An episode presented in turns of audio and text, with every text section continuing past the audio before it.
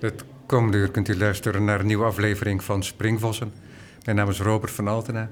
Tegenover mij zit José Heerkens, schilder. Dankjewel José dat je naar Amsterdam bent gekomen. We zitten hier in de fijne studio in het Allard Pierson Museum.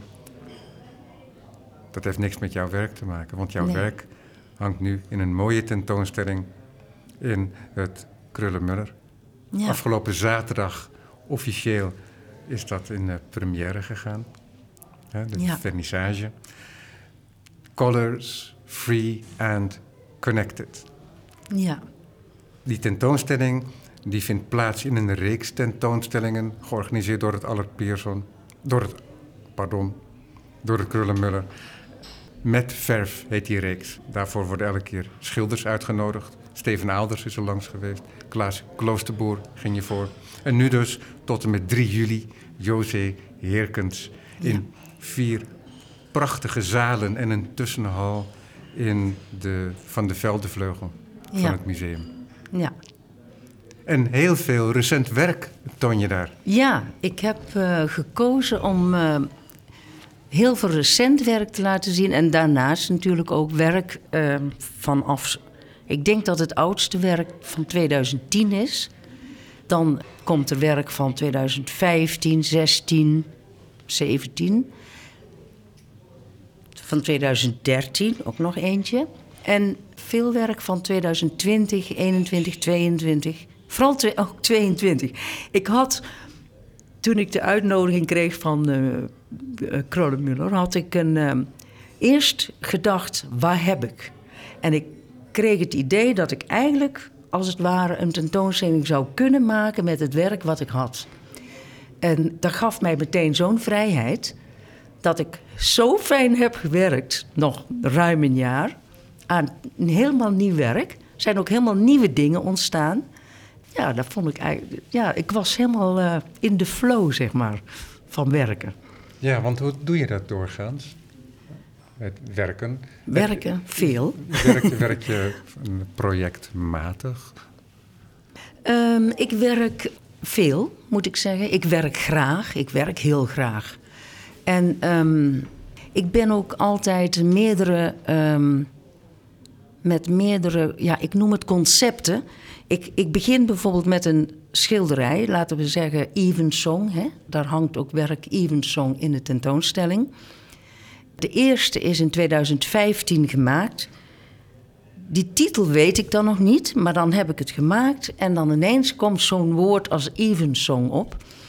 En dan maak ik er nog één en nog één, maar ik noem het geen serie, omdat een serie dan bedenk je het meer vooraf. Dan zeg je bijvoorbeeld: ik maak tien schilderijen en die zijn allemaal een meter bij een meter.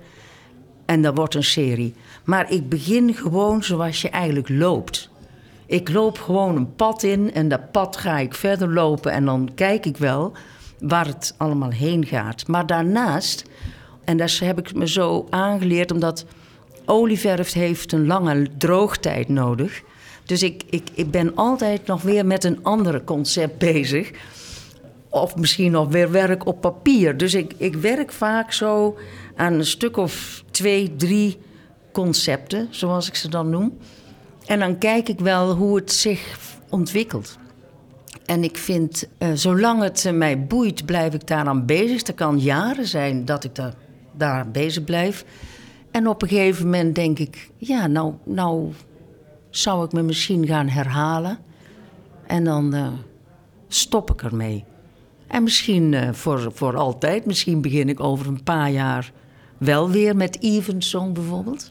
Maar ik heb het idee dat ik in 2020 heb ik daar het laatste werk, dat hangt ook eh, in Krullenmuller, gemaakt. Maar het kan best zijn dat ik er weer aan begin, maar dan met een zeg maar Evensong punt 2, zoiets. Hè? Maar Ja. eh, niet, niet Maar dat moment van stoppen dient zich dat aan als je al in jouw terminologie een ander concept hebt.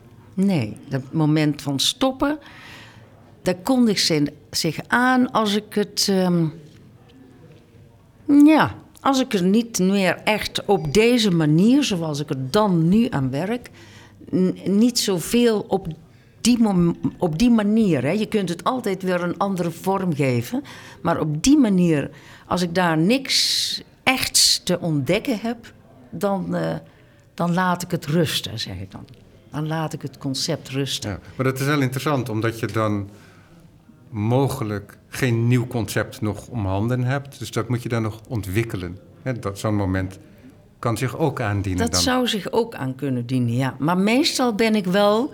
Ik, ik, ik, ik vind ook altijd dat ik een soort simultaan werk. Ja. Omdat ik altijd aan meerdere dingen tegelijk ben. ja, dat gaf je bezig ben. zojuist al aan, inderdaad. Ja, ja ik denk eh, ook... eh, om, ik, ik loop eerder achter mezelf aan, zeg maar. Dat ik altijd meer in mijn hoofd heb dan ik praktisch gezien kan maken.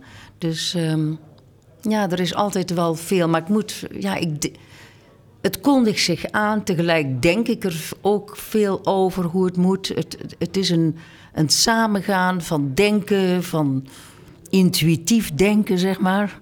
Van voelen, van beelden die opkomen. Het, het is een beetje een, ja, een totaal. Jouw idioom zou je met enige afstand kunnen omschrijven als abstract geometrisch. Ja, van afstand Ja. wel, ja. Ja. En wat ook een belangrijke rol speelt, denk ik, in jouw werk is de tekening. Ja, ik begin met een vorm. Want op je doek werk je met olieverf, Ja, maar je werkt ook op papier. Met gouache of acryl, waar doe ja je dat mee? acryl. Ja. Meestal ook waterverven. Maak ook waterverfwerken. Ja. Ik zeg dat ook natuurlijk omdat er heel duidelijke lijnen uitgezet worden. En dat is ook in letterlijke zin op te vatten. Dat de getrokken lijnen met potlood of grafiet, dat dat ook nog leesbaar is. Ja. Ja, ik begin. Kijk, kleur. kleur is. Punt. Kleur bestaat. Hè? Is op zichzelf. Het is een onafhankelijk iets. Maar kleur heeft een vorm nodig. Om, Een drager. moet een drager hebben. Ja. En dat is waar je het opschildert, maar het moet ook een vorm hebben waar je het, waar, waarmee je het naam kunt geven. Waar, waarmee je het aan het licht kunt brengen, die kleur. En, ehm, en hoe die vorm is, dan, ja, dat moet ik wel altijd goed overdenken en, be- en een beetje bepalen.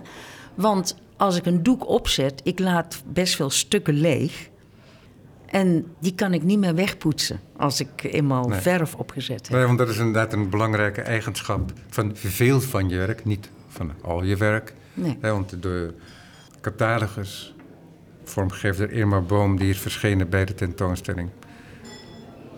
Die toont een ander werk, hè, waarbij er geen bloot canvas, een rauw canvas te zien is. Ja. Maar veel werk in de tentoonstelling hebben dat wel. Ja, veel, ja. Ja. En- linnen, hè? Dus ja, ik gebruik altijd linnen. Ja. En daarin kan je, zie je ook, dit is een mogelijkheid om het te lezen, zie je ook tekening. Ja. En dus, dus schilderkunst die een hele mooie synthese aangaat met lijn en met tekening. Soms lijn, omdat dat hulplijnen zijn die jij opzet om te schilderen. Maar soms ook omdat de lijn een constructief element op zich wordt. Ook, Ja. Die ook weer geschilderd wordt. Hè, want Ja. dat bestaat ook in je werk. Dus er is niet één positie, als het ware, in je schilderkunst. Ja. Ja. Ja, je kunt niet, ja je, inderdaad. Er zit tekening in, er zit structuur in. Ehm, een structuur ook als houvast hè, voor, eh, voor het werk. Toch is kleur mijn hoofdthema. Omdat ik... ehm, ik heb het idee dat ik altijd heel erg zoek naar ruimte. Ruimte om te zijn, om zeg maar ademruimte. Maar ehm, eh, Voor jezelf of in je schilderkunst. ja, ook het schilderij. Ik, ik, ik, ik, ik hoop dat ze, dat ze heel veel ruimte geven. Ja, ruimte. En ehm, Want het is ook wel interessant omdat jij die keuze maakt in veel van je werk om het canvas ook te tonen. Ja. En dat het Er zijn een aantal series. Ik heb hier bijvoorbeeld een serie die in het eerste zaal rechts hangt, Ja, op de kopse kant van de zaal. Dus die zie je meteen als je binnenkomt. En daar loop je ook schuin op toe dan. ja, En wat er dan heel erg opvalt, meer dan dat als je ervoor staat, is dat olieverf materie is. ja, En dat die materie, weliswaar gehecht aan het doek, dat die materie zich in zekere zin ook losmaakt van het vlak. ja, En niet dat het er nou met hopen dicht op ligt, want dat is zeker niet het geval. Maar je ziet dat die kleur, omdat die zich uitdrukt als het ware, ja, ehm, loskomt van de tekening en ook van het doek. ja. En Ja. dat is, zou je kunnen zeggen, dat, is, dat creëert een ruimtelijk effect op zich al. I- los van ja. het feit dat er ruimte is, zodat die kleur kan stralen binnen het doek zelf ook, is het ook zo dat het zich als het ware daarop bijna fysiek ook projecteert in de ruimte waarin ik sta. Ja. ja, dat is met die serie zeker, ja. Ja. Ehm, ja, en elke... Hoe heet deze serie? Ik noem ze Five Color Walk. Een vijf kleurenwandeling. Ik vind wandelen heel dicht bij mijn werk. Wat ik net zei, stap voor stap. Niet, niet zo goed wetend waar het elke keer allemaal heen moet. Ja. Maar zoekend. Zoeken, elke stap eigenlijk zoeken. En, en, en het schilderij heeft natuurlijk zijn... Maar zoeken kun je op verschillende manieren doen, hè? want je zou misschien met enige overdrijving kunnen zeggen dat Jackson Pollock ook zocht. Ja, Ja? ja, En dat is een heel ander zoeken. Heel tastend is dat. ja zou je kunnen tastend. zeggen? Ja, En bij jou is dat zoeken, dat is ook overdenken ja. of iets werkt. Ja, denk, Denk het ik. wel. Ja, denk het wel. Het zoeken. ehm, omdat je het nooit.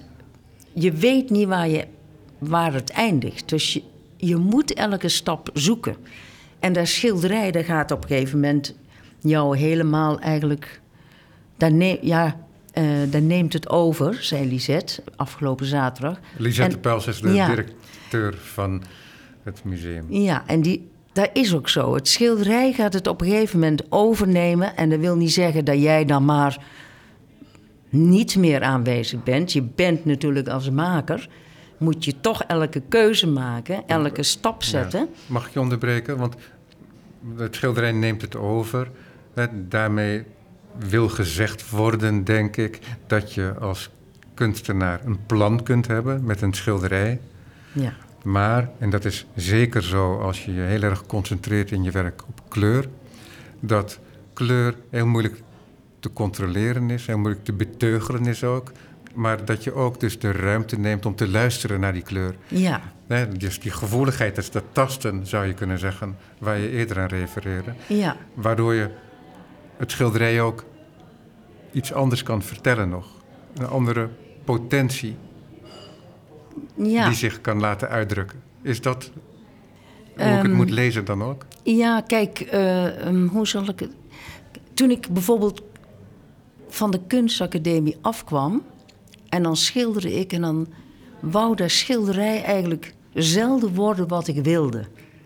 En op een gegeven moment heb ik gedacht, ik moet niet zoveel willen. Want, want dan wil ik iets naar, naar mijn kader zetten en dat, dat lukt eigenlijk niet. Want wat wil ik eigenlijk precies? Dan zou je dat zo precies moeten weten.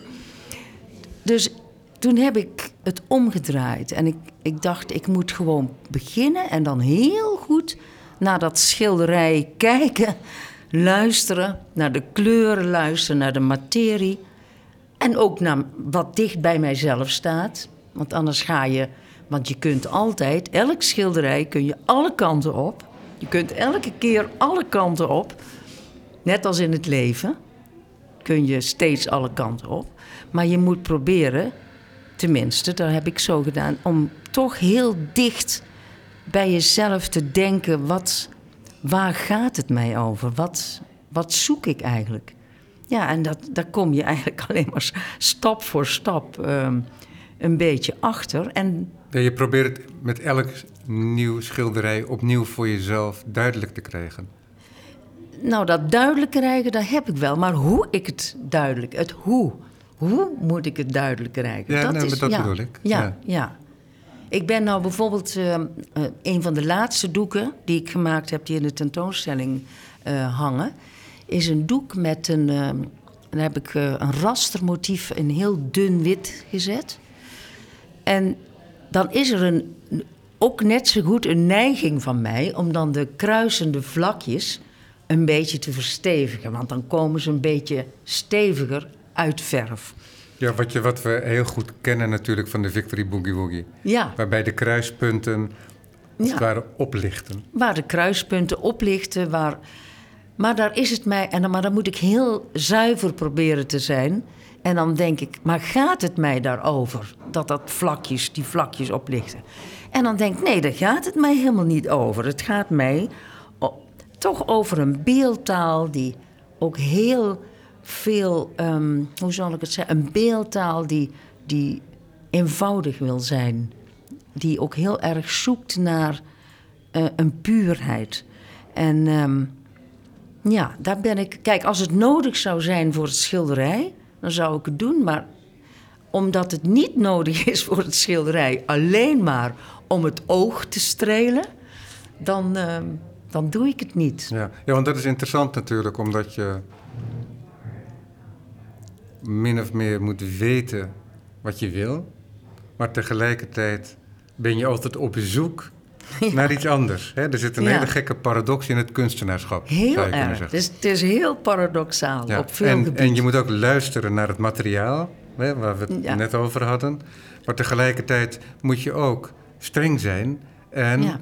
doorvoeren wat je bedacht had. Ja, Dus dat zijn allemaal momenten, ja, mogelijkheden die tegen elkaar indruisen eigenlijk. ja. En daar zou een enorme verwarring uit kunnen ontstaan. Ja. En misschien bestond die ook wel bij de jonge Joze Heerkens toen zij schilderde. Ja, maar het is natuurlijk altijd een zoektocht. Maar op een gegeven moment worden dingen wel duidelijker waar, wat je taal gaat worden. Want het gaat toch om een beeldtaal. Het gaat niet om een mooi plaatje. Was dat een moment bij jou? Een duidelijk afgescheiden ja, moment? eigenlijk, ja. Ik ben in, in 1992 heb ik een reis van zes maanden door Australië gemaakt. En eh, met eh, mijn eh, partner en twee nog heel jonge meisjes. En dus we hebben daar rondgereisd en ik, nou, ik op hu- huilend toe, zeg maar, ben ik daar geraakt door dat ontzettende lege, stille landschap in het midden van Australië. En ehm, niet dat we daar veel gereisd hebben, want het is ook risico. Maar ehm, het, is, het is daar zo stil en eigenlijk is alleen maar één horizontale lijn die je nog scheidt van een soort kosmisch gevoel. Dus een, alleen de lijn van de horizon. En daarboven is lucht en daaronder is zand. En dat is rood-bruin zand. Oker, rood-bruin, oker, rood-bruin. En, ehm, De kleur van je, Bijna. van je vorige boek, eh, Paint to Write. Ja, ja, het is een kleur die diep in mij zit. En ehm, toen ik thuis kwam, dat is na, na een half jaar, toen, toen heb ik al het werk wat ik tot dan toe gemaakt heb, daar heb ik een deur achter gesloten, zeg maar, figuurlijk. En ik ben gewoon helemaal opnieuw begonnen. Ik dacht, ik moet, ik moet gewoon opnieuw beginnen. Er zit niks anders op. En eh, ik ben helemaal opnieuw begonnen met het zoeken naar die ruimte in horizontale lijnen. En zo langzaam maar zeker heeft hij zich ontwikkeld. Ik heb misschien ook wel een jaar of zes, zeven niet met andere kleuren kunnen schilderen dan met rode, bruine okers. Tot ik dacht, nou is het genoeg, want ik, ik, ik ga niet steeds alleen maar die Australische kleuren schilderen. Ja, nou, er zijn kunstenaars die dat doen. Ja, maar ik, ik Alan Charlton, die sinds, denk ik, 1969, als ik het goed heb, en hij werkt nog altijd, voornamelijk 99% van zijn schilderijen in grijs uitvoert. Ja. Verschillende soorten grijs, maar nog altijd grijs. Ja. Af en toe komt er een soort crème in. Mhm. Maar dat is het. En dan hebben we hier in Amsterdam ook nog een schilder die helemaal uh, groen uh, oh, schildert. Jos, Jos van Merendonk. Ja. Jos van Merendonk. Ja. Nee, dat, dat, dat zijn ook keuzes. Maar mijn keuze was om daar niet uh, te blijven. omdat het ook echt met die reis te maken had. En ik, en ik dacht, nee, ik, ik, ga op, ik, moet, ik wil ook weer andere kleuren. En nou, zo zijn er weer andere kleuren. En door die andere kleuren kwamen er ook weer andere beelden in mij. Eh, maar hoe gaat het omarmen van de andere kleuren? Deed je dat heel kalm en introduceerde je af en toe een kleur? Of ging je meteen eh, een heel spectrum langs? Um, ik denk uh, dat het hele spectrum mocht wel gebruikt worden. Maar ik ben sowieso niet iemand die, die twintig kleuren in een. Uh, ik, ik, ik, nou, een kleur of vijf, zes. Nee, niet in een enkel doek bedoel je? Ja, ja, in een enkel doek. Nee, het mogen al, mochten alle kleuren zijn. Dus ik... Uh, ja, de kleuren waren weer opnieuw een ontdekking. En toen heb ik bijvoorbeeld... Ik dacht, en heb je, heb je daar een, had je daar een manier voor of bleef je gewoon... Gewoon, noem het maar gewoon. Maar bleef je nieuw werk ontwikkelen en al gaande onderzocht je ook op die manier die kleuren? Ja, zo op die manier. En het waren wel kleinere formaten. Ik, uh, ik, ik, nam, ik heb een, een, tijdje toen met, ook met kleinere formaten gewerkt. Dat gaat wat sneller, hè. En uh, om het ook eerder te kunnen zien. Maar ja, ik denk dat het kleinere formaat, de nieuwe kleuren, de andere, de meer kleuren, dat bracht mij ook weer op andere paden. En uh, ja, ik, en dat is wel goed geweest. En langzaamaan kwam ik eigenlijk steeds strakker. Op een gegeven moment dacht ik, uh, goh, ik werk uh, best wel strak. Ik, kan ook wel eens gewoon af gaan plakken. En toen ben ik ook gaan afplakken. Ik schilder niet altijd afgeplakt. Um, ik schilder ook uit de hand of met. ligt er een beetje ook aan hoe de materie is.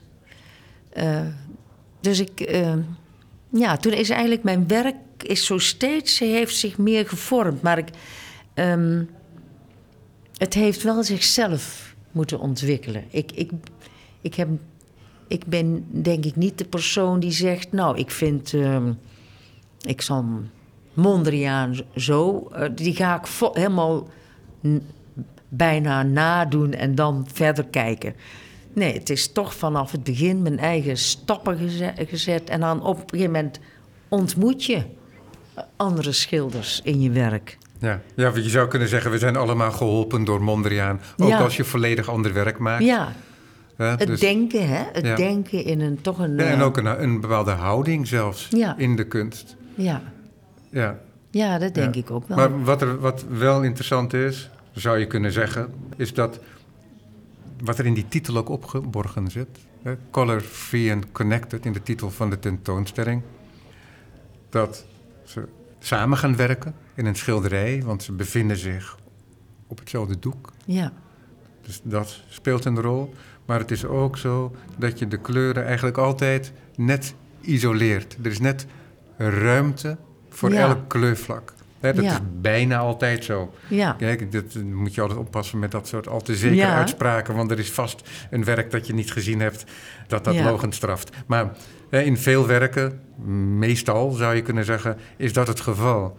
Dat er tussenruimtes zijn. Openingen. Dus niet alleen omliggend. Ja, dat om, klopt. Ja. Om de kleuren, maar ook tussen de kleuren zelf. Soms heel gering.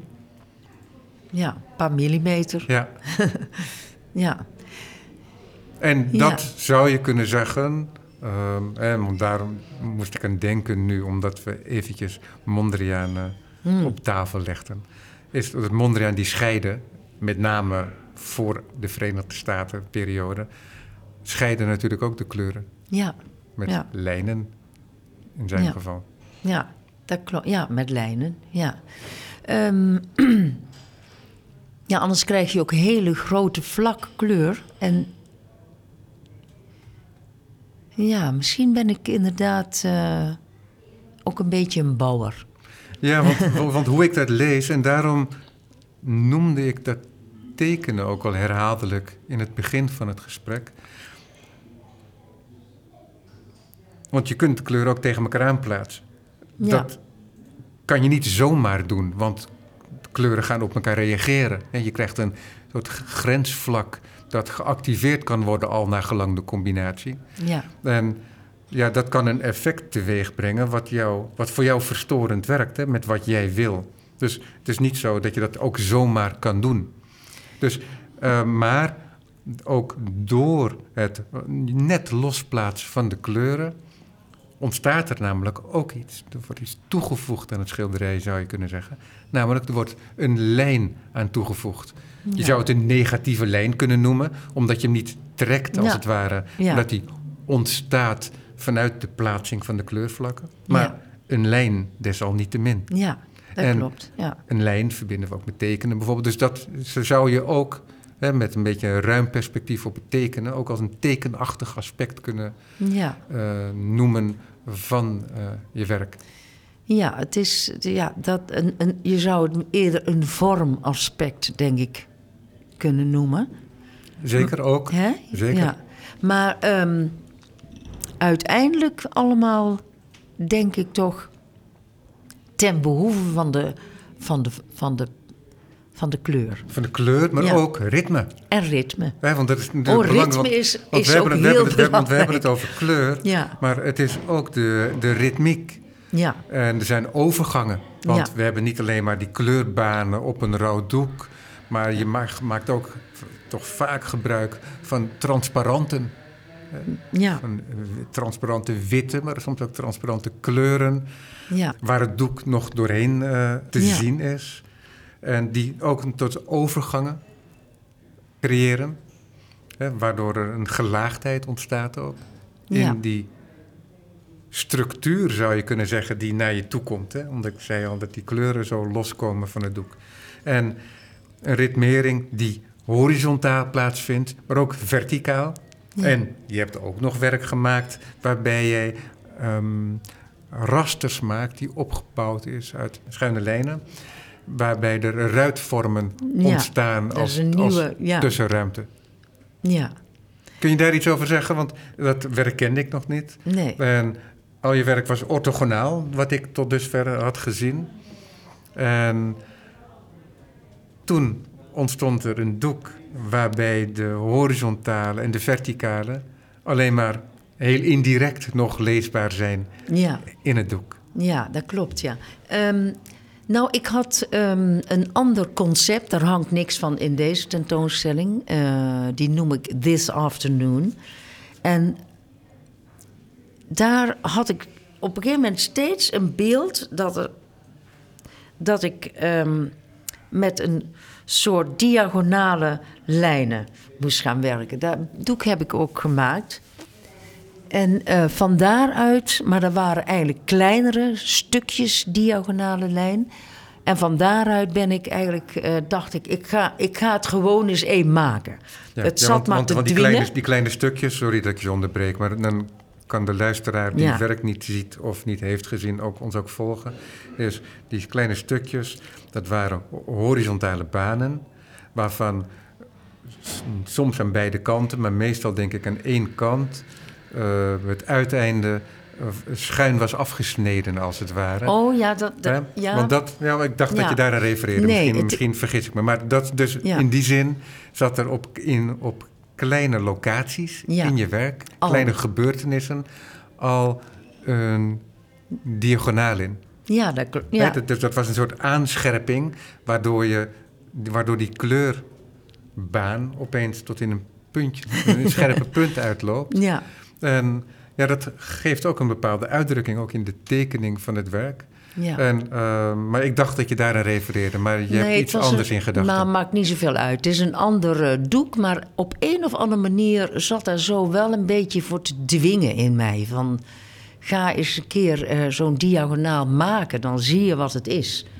En toen heb ik als eerste die groene gemaakt, die ik ook op eh, zo'n dat filmpje Ja. bij de het, klinkt, het klinkt als een heel luchtige onderneming, maar het is toch belangrijk om te beseffen dat in jouw idioom, hè, dat je tot dan hanteerde, dat dat een vrij radicaal besluit Ja, is. een heel radicaal besluit. Omdat het heel expressief, expressief is ook, zo'n eh, diagonaal.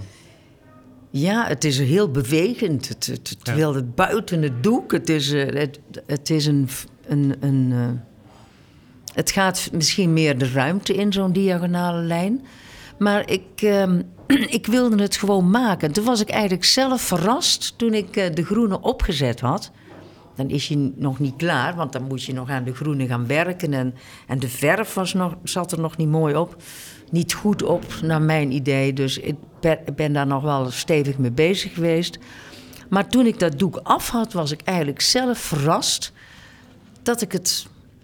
Ja, dat ik het wel kon hebben, zeg maar. Ik vond het wel een, een uitdaging. En vandaar dat ik eh, eh, meer, eh, er nog een paar meer heb gemaakt. En ik wil daar ook nog eh, mee verder. Met die eh, diagonalen. Ja, ik heb hier een pagina met, ik denk het betreffende schilderij. Ja, met die groene. Ja. En een foto van zo'n abstract geometrisch werk. Dat wordt heel grafisch in een boek. Ja. Dus er zit een bepaalde reductie zit er dan in. Maar wat je niet hier kunt zien, maar wat ik wel heb gezien op zaal, is er ontstaan een soort pleintjes ook. Hè, Ja. Die, die kruisvormige pleintjes, Ja. die eigenlijk naar buiten wijzen. Dat zijn hele gekke gebiedjes Ja. die ontstaan. En dat is de overlap van de groene lijn die van linksonder naar rechtsboven gaat en van rechtsonder naar linksboven. Of andersom. Ja. Maar er is ook ergens, maak je ergens ook een overgang. Ja, in kleur. En, en dat is een horizontale overgang. Dus aan de onderkant van het doek eh, speelt zich dat af. En dan in een doek waarin geen horizon zit, waarin geen horizontaliteit zit. Anders dan dat je die horizontaliteit een beetje verspringend zou kunnen aflezen aan de liggende ruitvormen. Hm. Ontstaat er opeens een iets wiebelig horizontale overgang op zo'n groen plein. Wat, Ja. wat is dat voor, eh, voor ingreep? Ehm, Dat is heel erg in detail ja. op een werk, maar ik, ik verwonderde Ja. me daarover. En ik dacht van, nou, dat is Ik vond dat wel toch aardig om spannend. te weten ik vond het zelf spannend wat om met, die, vooraf ging. ja, om met die kleur nog wat te doen. Kijk, je kunt, eh, ik had het allemaal in één kleur. Dat heb ik met die blauwe. Maar daar zit het in schilderen, is daar heel veel gebeurd. Maar met de groene wou ik eigenlijk eh, iets spannender de kleur hebben. En toen ben ik met een wat geliger groen eh, onder begonnen. En, en ja, heb ik een, een, een horizontale scheiding gemaakt Uit de losse hand. Uit de losse hand. Nou, ja. Dat is belangrijk, want Ja. we zien in een... Ja. We zagen in een video, die video is wellicht ook nog te zien in het museum. Ik denk het niet. Oké, Nee. nou, die zagen we dan bij, eh, bij de opening. Hoe je dat schilderij opzet en maakt. We zien niet het hele proces, maar wel een belangrijk deel krijgen we een indruk van hoe dat werkt. En je hebt een plank die je gebruikt en die leg je over het doek. En jij staat wijdbeens bewegend Ja. over het doek en je trekt dan die lijnen. Ja. En, ehm, en ook dus je kwastwerk. En, maar dit is dan belangrijk, want dat is heel strak opgezet. Scherp gekant, zou je kunnen zeggen. Er zitten geen, het zijn geen wiebelende ruitvormen Nee. die als restruimte of als tegenvorm ontstaan. Het zijn scherpe vormen. En dan dat gebaar uit de losse hand inderdaad. Ja, ja. Iets wat je eigenlijk alleen ziet als je op het beeld toeloopt. Want van een afstand interfereert het op geen enkele manier met die scherpe indruk Ja. van die tekening. ja, ik denk dat mijn werk sowieso heel erg eh, van afstand goed gezien moet worden, maar ook dichtbij. Hoe het gemaakt is, hoe is het gemaakt? Dat, eh, dat interesseert mij trouwens ook altijd heel erg als ik naar kunst kijk. Hoe is het gemaakt? Ja. Ja, Want- ja, ja dat is ehm, bij Agnes Martin. Daar zie je ook bijvoorbeeld die potloodlijntjes in die oh werken. ja, ja. En zij werkte niet met een lange lat, maar zij werkte met een korte liniaal. oké. Ook Waar, op- ze die, waar ze die op die grote doeken ook mee werkte. Dus die, zo'n lijn bouwden ze op. Oh, en ja. Steven Aalders bevestigde dit, wat je eigenlijk ook in het werk kunt zien, want je ziet een nieuwe aanzet van een lijn. Maar Steven Aalders bevestigde dit omdat hij ooit op bezoek is geweest in de jaren negentig bij Agnes Martin Ja. in de studio. En daar lag, dat, daar lag dat latje op haar werktafel. Ah ja, ja. Nou ja, dat kan. Dus dat- de, de- ja. maar dat, hè, de anekdote. Ja, Maar, eh, ja. maar eh, dus er zijn, dat zijn allemaal beslissingsmomenten. Net als dat het een beslissingsmoment Mhm. is dat Joze Heerkens in dat strak opgezette werk ja, met de hand. die toets met de hand opzet. Ja, en ehm, eh, het is helemaal met de, met de hand geschilderd. Maar daarboven, het is ook een heel belangrijk in dit werk, in dat diagonale, tot hoe ver laat je de lijn lopen? En hoe kap je hem af? Ehm, Ja, want wat belangrijk is, is van dit schilderij, is dat dat raster, dat vult niet het hele doek. nee, je hebt een band, als het ware, geschilderd, die weliswaar ja, vier vijfde, iets meer ehm, van het doek inneemt. Maar er is een band boven waar opeens dat rasterpatroon ophoudt. En aan de onderkant is die band nog wat zwaarder. Ja. En dat is ook belangrijk natuurlijk, want dan krijgt hij als het ware een sokkel. Ja, dus daar, kan het ja. beeld, daar staat het beeld ook een beetje op. ja, Dus dat geeft hem lichaam, als het ware ook. Het doek Ja. zelf. En dat raster is ook niet binnen die marge, die grote band van groen die eraan ontstaat, is ook daarin niet volledig doorgevoerd. Je hebt keuzes gemaakt om bepaalde eh, overtrekking, hè, om de, de kruisvorming, om dat achterwege te laten. ja. Ja, Zowel boven als onder. Ja, ja dat, dat Hoe, klopt. hoe neem je die beslissing? Heel intuïtief. Ik, eh, ik, het, het- ja, dat is, dat is ook het paradoxale. Ja. Bestaat er een ontwerp van dit schilderij? Nee. Of werk je, Nee. je hebt een idee en dat Ja. werk je direct uit op doek? Nou, ik had een idee en ik heb daar niet al te lang over nagedacht. Ik heb wel heel goed nagedacht hoe breed moeten die lijnen worden. Ja. Hoe, Hoe breed zijn ze? Ik dacht dat ze deze vijf zijn. Ja. Maar, ehm, en hoe breed wordt de tussenmaat? en ik ga, gewoon, ik ga gewoon eens beginnen en ik kijk wel wat dat doek gaat worden. Ja. En of het ook iets is wat ik, eh, wat ik kan laten bestaan. Ja, en Hè? zo dat de groene streep die er ontstaat, zowel vlak als lijn is. Hè? Ja. Er zit een ambivalentie in. Ja. En het is het alle twee. Ja, dat maakt misschien ook wel dat het... Dat, maakt, dat geeft een soort beweging Ja. aan het maar, werk. Maar hè? je hebt dus ooit ter plekke besloten om het ontwerp zo te laten zijn dat het raster niet volledig doorloopt Nee. binnen die marge Terwijl die ik dus bepaalt. daar aan het werk was. Ja, ja. Terwijl ik eh, aan het werk was. Ja. En van tevoren heb ik natuurlijk wel bepaald hoe groot moet het onderleek blijven. Hoe groot boven. En eh, dan ga ik kijken hoe ver ik kom met die onderste lijnen. Ik geloof dat ik daar iets eerder opgehouden ben dan ik, dan ik eigenlijk van plan was. En ehm, ja, ik... eh, Ja, waardoor er ondanks het feit dat er van een afstand althans ogenschouwelijk geen overgang is, waardoor er toch een overgang ontstaat ja, van, laten we zeggen, de kleurzone met de rauwe canvasruiten ja, hè, als restvorm, met het doek ja. op zich. En wat het ook is, en daarom, ik kom toch elke keer terug bij die tekenkunst. Omdat het laat ook iets zien van het directe ontstaan. ja. Kijk, als kind, zo ervoer ik dat heel dramatisch. Dat schilderijen vond ik heel erg moeilijk. Ik hield heel erg van tekenen zelf. En een schilderij, dat was voor mij eigenlijk een bedekking als het ware van een tekening. Mm. Ja, dat kun je als klein kind eh, denken natuurlijk. Ja, Want er zit iets in dat pure ontstaan Ja. van de tekening... die mij destijds zonder belemmering fascineerde. ja, En je zou kunnen zeggen dat eh, die fascinatie, als het ware, ook hierop geprojecteerd kan worden. Omdat jij werkt met die combinatie van, laten we zeggen, het lege vel, hè, het rauwe doek. En dat je de, het ontwerp wat je daarover uitschildert, dat dat daar aan gehecht is, maar tegelijkertijd dat je ook die ruimte laat. Ja. En dat er misschien toch ook een verlangen is, maar dat mag je dan zo meteen beantwoorden, om iets van dat ontstaansmoment, hè, dat magische moment, om dat ook zichtbaar te laten zijn in het uiteindelijke werk, maar zonder dat je toevlucht neemt tot schetsmatigheid. Hè? Want dat Ja. zou dan ook gemakkelijk kunnen. Ja. Maar dat doe je dan niet, want je wil toch die, je strenge taal voeren, als ik dat zo mag zeggen.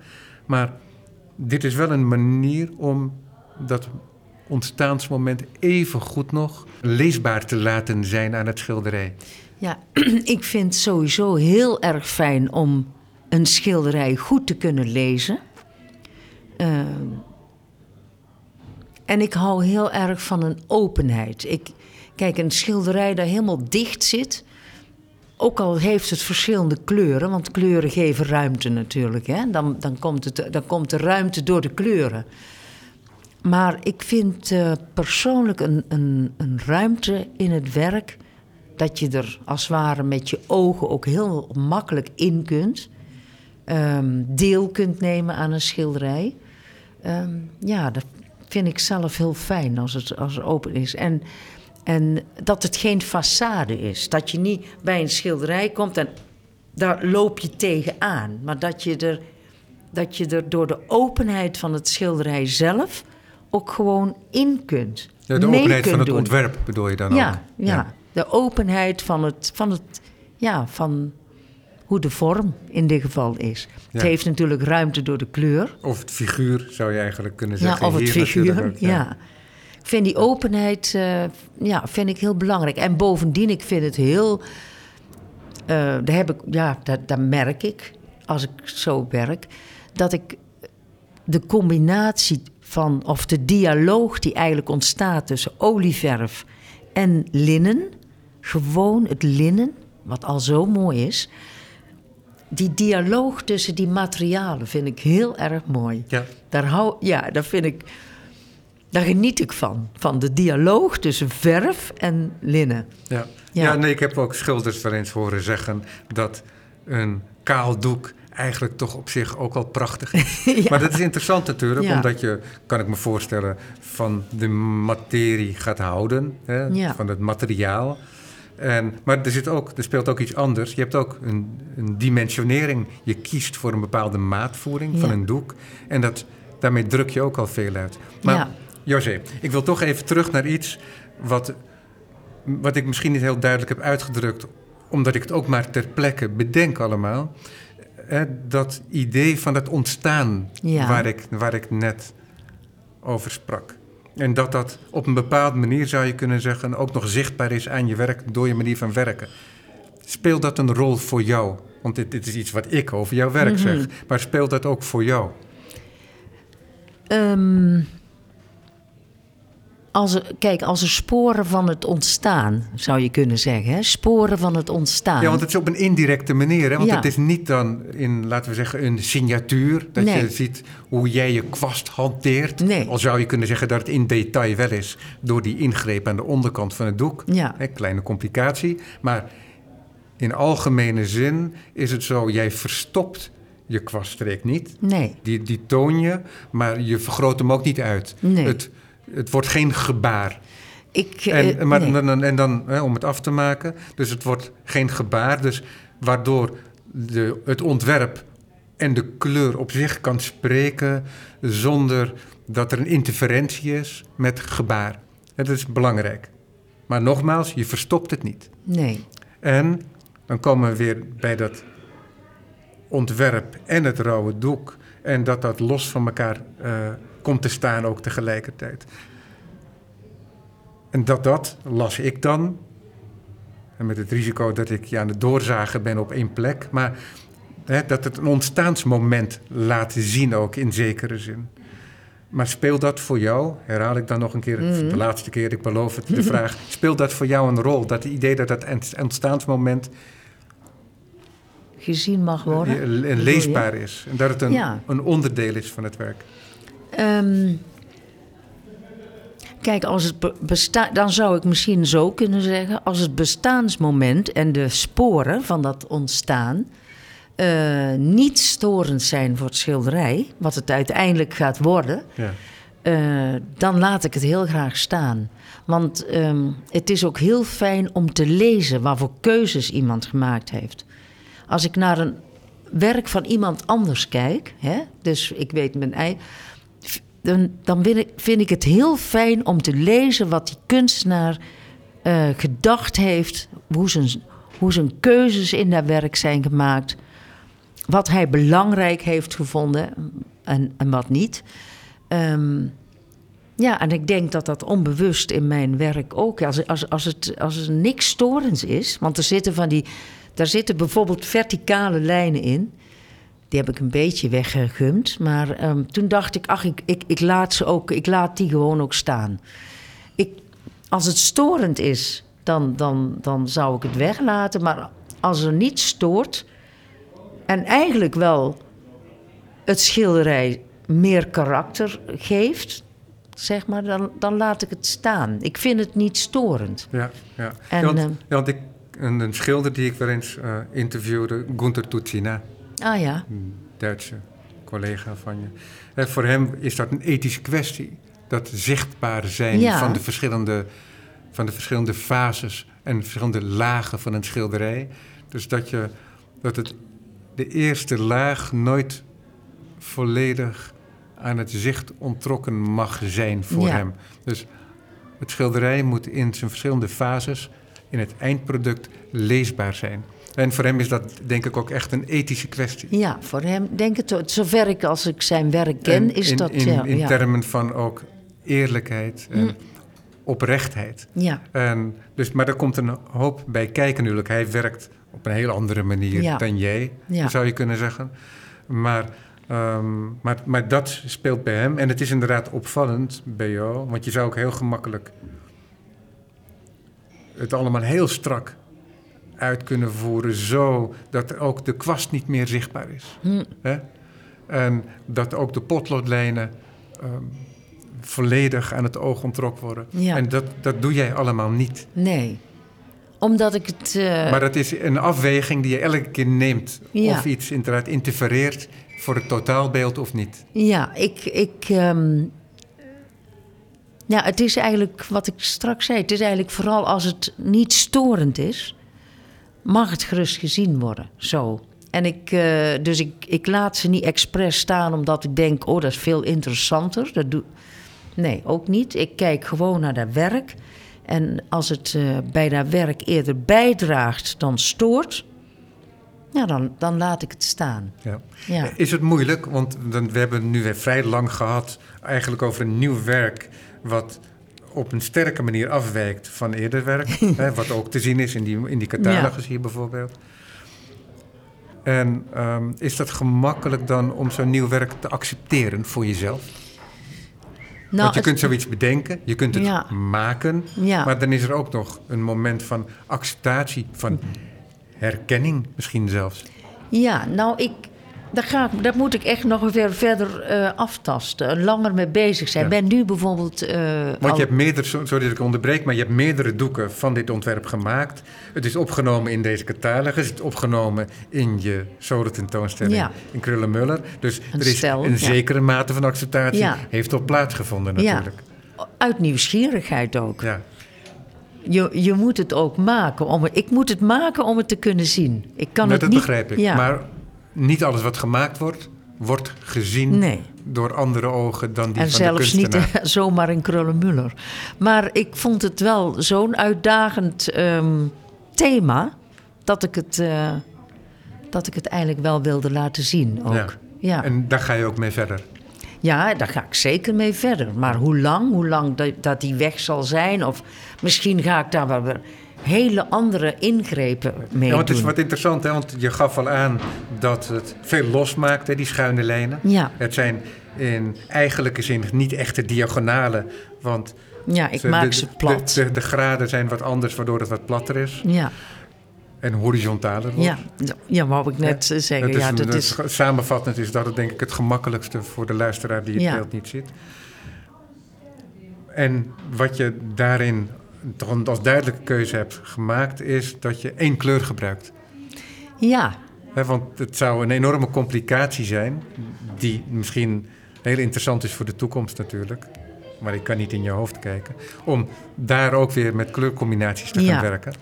ja. Maar je nou, hebt het, je is- handen het is misschien- twee kleuren. Hè? Dit is twee kleur. Ja. De blauwe is één kleur, Ja, maar die waar. andere twee die er hangen, die, Dat die roden, rood, Ja.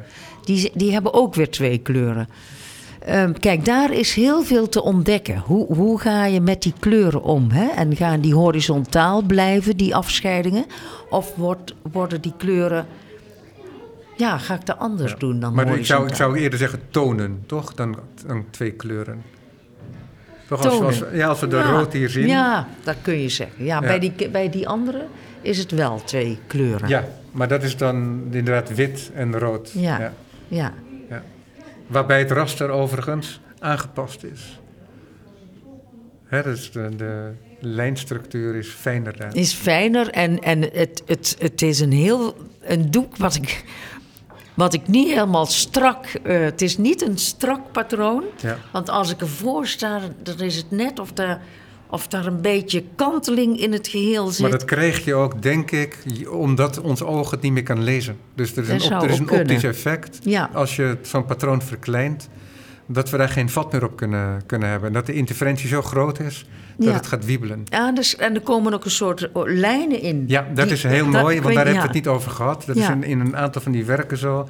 En dat heb ik dan voor mezelf als fantoomlijnen gedoopt. Ah ja, ja. Maar er, er ontstaat een figuratie, ja. Een lijnenstructuur die ontstaat vanuit de interferentie, is al zodanig Ja. niet geschilderd, maar Ja. is een optisch effect. Puur optisch, wat ik niet bedacht had. Hè. Dat Ja. kun je niet bedenken, zoiets. Maar dat is heel mooi, hè? want er ontstaat weer een, een, een, een lijn bij die je niet hebt kunnen bedenken. En, die, en, en dat is een lijn in een soort transparantie die ontstaat. En hij is er echt. Hij is er Hij is echt, echt ja. zichtbaar. Want ik heb nog ge- gekeken toen het daar al hing, denk ik. Ik, ik heb daar toch helemaal geen verticale lijnen in gezet. Ja, Hoe ander komen licht toch... dan in je studio wellicht Ja. ook, waardoor het werk ander ook anders eh, overkomt. Ja, daar komt het licht van boven. Prachtig licht in Kronemuller. Zeker. Heel erg mooi. En in mijn atelier komt het licht van de noordkant. Daar heb ik groot, eh, grote ramen. Maar we zien het ook hier in reproductie terug. Ik zie heel duidelijk die fantoomlijnen hier ontstaan, die in het eh, doekdeel, Ja, daar is het in daar het ligt die helemaal wit op, als het ware, alsof Ja. het een lichtlijn is. Ja. Ja. Ja, de- de- ja, dat is heel apart. Dus er is heel veel te ontdekken. Cadeautje. Ja, dat is een Het cadeautje. zou, ook een, het zou ook heel vervelend kunnen zijn als je het niet wil natuurlijk. Ja, Want dan zou je er iets aan moeten doen. Dan moet je uiteindelijk gewoon dat raster opblazen. ja. En dan los je het vanzelf op. maar ik vind het... eh, ehm, zo zitten er in, de, in dat diagonale spel, zal ik maar zeggen... zal ik het maar noemen... eh, zitten heel veel dingen die eh, wel spannend zijn... om verder uit te dokteren hoe dat werkt. En ik ben sowieso nu... ik heb al linnens geknipt... Ga ik nieuwe doeken opspannen. Dit, dit zijn maten van 1,40, 1,40. En ehm, dus ik hou voor de diagonale voorlopig 1,40, 1,40 aan. Om eh, ja, te kijken wat, ik, wat, het, wat het gaat worden. Prachtig. Ja, Ja. We zijn aan het einde van het uur beland alweer, Oh. José. ja. Dit boek, dit is vormgegeven door Irma Boom. Met een soort signatuurgebaar van haar. Is dat zij opent vaak met details. En zij sluit af met details. Waardoor je als het ware een soort introductie hebt. ja. Ook tot het werk. En eh, dat is een signatuur, zou je kunnen zeggen, van Irma.